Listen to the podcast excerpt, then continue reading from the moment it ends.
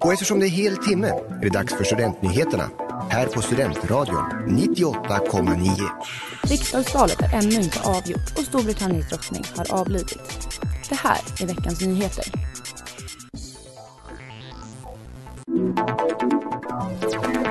Under söndagen hölls valet till riksdagen i Sverige och än är det inte klart vilket block som vinner.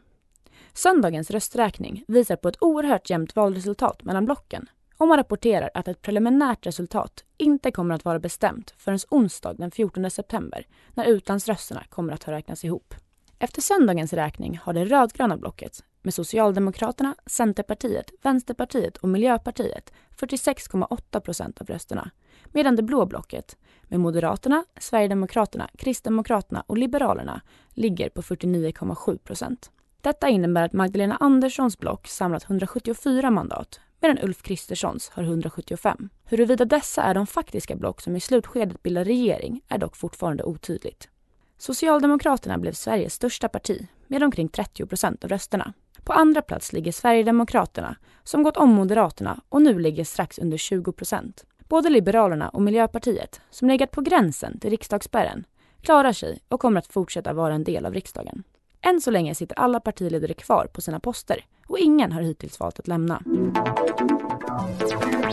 Under söndagen bildades långa köer, flera uppemot en och en halv timme, utanför vallokalerna i Uppsala. Orsaken till köerna misstänks vara ställen med valsedlar, där väljarna går in en och en bakom ett skynke för att plocka sina röstsedlar.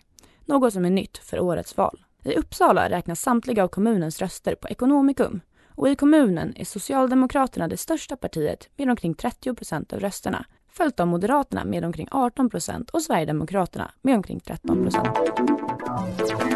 Storbritanniens drottning, Elisabeth II, har gått bort under torsdags eftermiddagen. Drottningen blev 96 år gammal och har suttit på tronen i över 70 år. Hon planeras att begravas måndag den 90 i Westminster Abbey i London och samtidigt hålls två tysta minuter landet över och även bussar och tunnelbanor förväntas stanna. Drottningens son, Charles, utropades under fredagen till kung över landet och kommer att åka runt i Storbritannien för att delta i ceremonier till minne av drottningen. Du har lyssnat på nyheterna i Studentradion 98,9 med mig, Rut Bruse.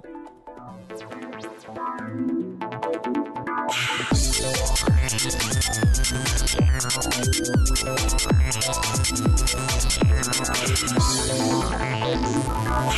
Peace.